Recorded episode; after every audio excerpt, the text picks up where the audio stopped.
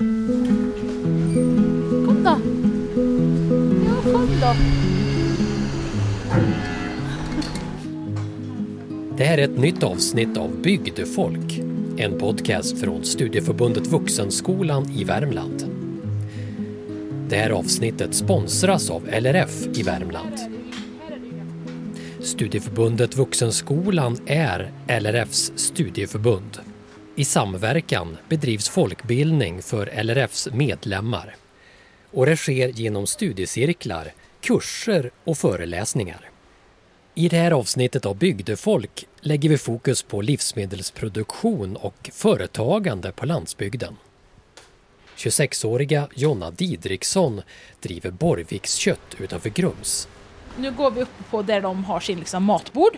Ehm, och så ligger de här och så ger vi dem mat här. Så har vi lite små bebisar som ligger här med sina mammor. Inne i laggården finns 60 kor och ett 20-tal ungdjur. Gården är kravcertifierad sedan några år tillbaka. Djuren föds upp av Jonnas mamma och tre bröder till henne. Och så har Jonna hand om försäljningen av köttet. Borgviks kött startades 2014 och var då en förlängning av det UF-företag som Jonna drev under sin tid på Lillerudsgymnasiet. Där hade hon lantbruksdjur som inriktning. Företaget har utvecklats mycket under åren men det är fortfarande på en hobbynivå för Jonna. För hon jobbar heltid som avelssäljare och avelsrådgivare. Ett jobb som hon trivs jättebra med, säger hon. Samtidigt skulle hon vilja satsa ännu mer på Borgviks kött och nå ut med produkterna till fler. Alltså jag hade ju tyckt det var jättekul om jag hade kunnat jobba så mycket med det så att jag kunde leva på det. Det hade varit kul om företaget ändå hade blivit så stort så kunde jag gå ner i procent på det andra jobbet. Och liksom, jag tror kanske inte att det här kommer bli någonting jag lever på helt. Men att man kunde leva på det deltid. Och att man då kunde kombinera det här två.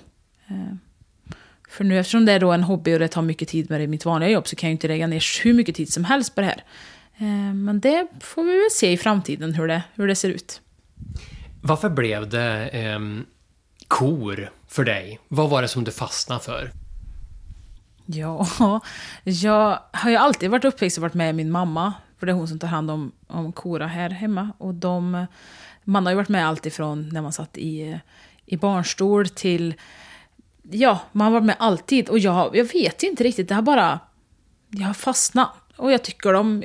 Det här är något speciellt med kor. Eh, och sen har jag liksom tillägnat hela mitt liv och hela mitt arbetsliv åt kor i olika former. Eh, och det har bara blivit ett stort intresse. Eh, sen så går ju alla, eftersom de är ekologiska då, så går ju alla lösa. De går i, i grupper med 14 eller 16 och sen så ska då, är de ute och går en gång, i, en gång i veckan måste de ut. Så då får de gå ut på en platta där ute där de får hoppa och leka hur de vill. Och så är det en Vad är de största lärdomarna som du har fått under de här åren med företaget? Eh, ja, att du måste lägga ner ganska mycket tid för att det ska gå bra. Eh, ingenting kommer ju gratis. Alltså, ju mer tid jag lägger ner, ju bättre blir det. Hur vill du beskriva, hur har den resan varit då? Från 2014 när företaget startades tills idag? Det har ju hänt väldigt mycket. Det har ju, alltså, vi började ju med att, att paketera allting själva till att vi nu, det kommer eh, ifrån ett, vi tar återtaget från ett slakteri eh, där vi där det är finpaketerat, det har blivit mycket finare. Vi har utvecklat med Facebook-sidor, eh, finare etiketter, alltså mycket sådana saker. Sen har det blivit mycket, mycket större. Eh, så att eh, det går ju bättre och bättre. Men det är ju också hur mycket tid jag lägger ner på det så blir det större. Vad har du för råd till andra företagare, alltså livsmedelsproducenter tänker jag då, i, i, på landsbygden? Vad, vad ska man tänka på? Någon som kanske vill starta ett företag? Att man ändå ska våga prova. Eh, ja, man kanske inte ska lägga alla sitt alla liksom ägg i samma korv. Jag har ju verkligen två olika. Eh, men att man ändå ska prova och se, för det är ju en stor trend nu med närproducerat, med ekologiskt och sådana saker.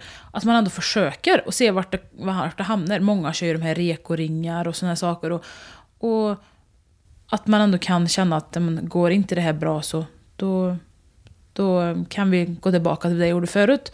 Men många vill ut och träffa folk, ut till bönder, ut till om du så gör honung eller bröd eller så ha en kontakt med folk. Folk vill ha den här kontakten med dig. Och det, så det är bara att våga prova och sen så. Det låter som att ni, man bör inte vara blyg om man ska sälja, sälja på landsbygden. Nej, och så är det väl med allt säljjobb kanske, att man ska inte vara blyg och man... En behöver inte vara alltid jätteframåt men ändå att man vågar prata för sin sak och ändå våga att det är någon som frågar en om man vill vara med i, i tidningen eller i en podd eller något annat, att man ändå säger ja. För det är ju sådana saker som gör att du syns och hörs. Eh, de, man får ett namn på dig, man får en bild av dig. Ehm, så det är ändå så att, tack inte nej till sådana här saker, utan våga syns.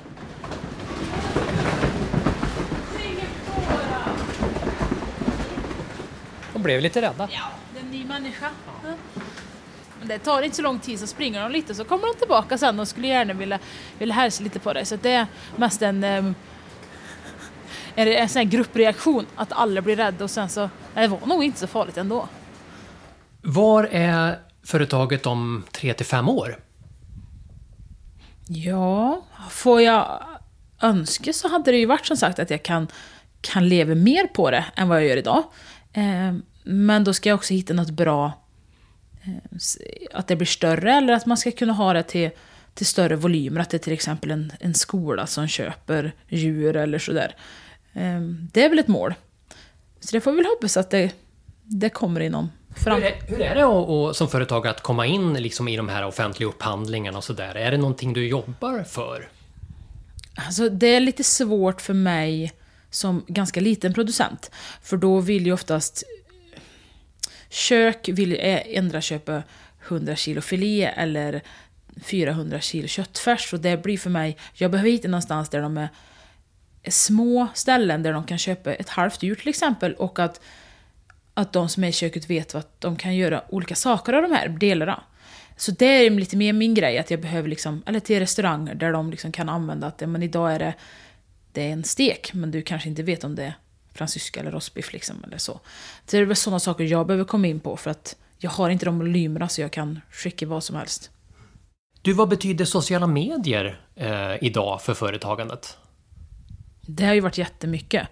Eh, har man eh, bra information, bra bilder, då lockar det in folk. Eh, då lock, det är som att de lockar in varann.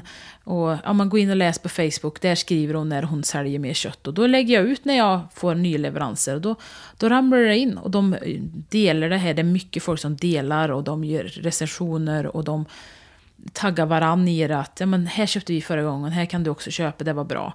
Och det har ju gjort, det har hjälpt jättemycket. När de ringer till mig så så ja, men det är bara att komma och så, så står jag där och hälsar dem välkomna och de får sitt kött. Och det, är liksom, det är lite mer personligt. Och de, de får gå in och titta på kossorna om de vill och de får liksom fråga allt möjliga. De dummaste frågorna liksom. För det är ju jättekul när de kommer till mig. Eh, och de får, det blir en helt annan grej för då ser du hela kedjan. Alla kanske inte vill se hur det ser ut, men många vill ändå se hur de haft det. Och de kan gå in och se så att de är rena och fina, att de har god mat och att de de kommer, kossorna kommer fram och vill bli klappade och de ser att här är de bra behandlade.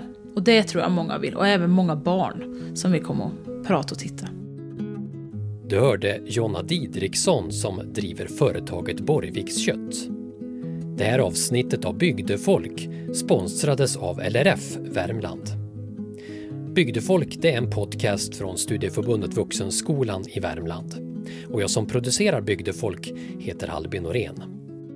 Tack för att du lyssnar.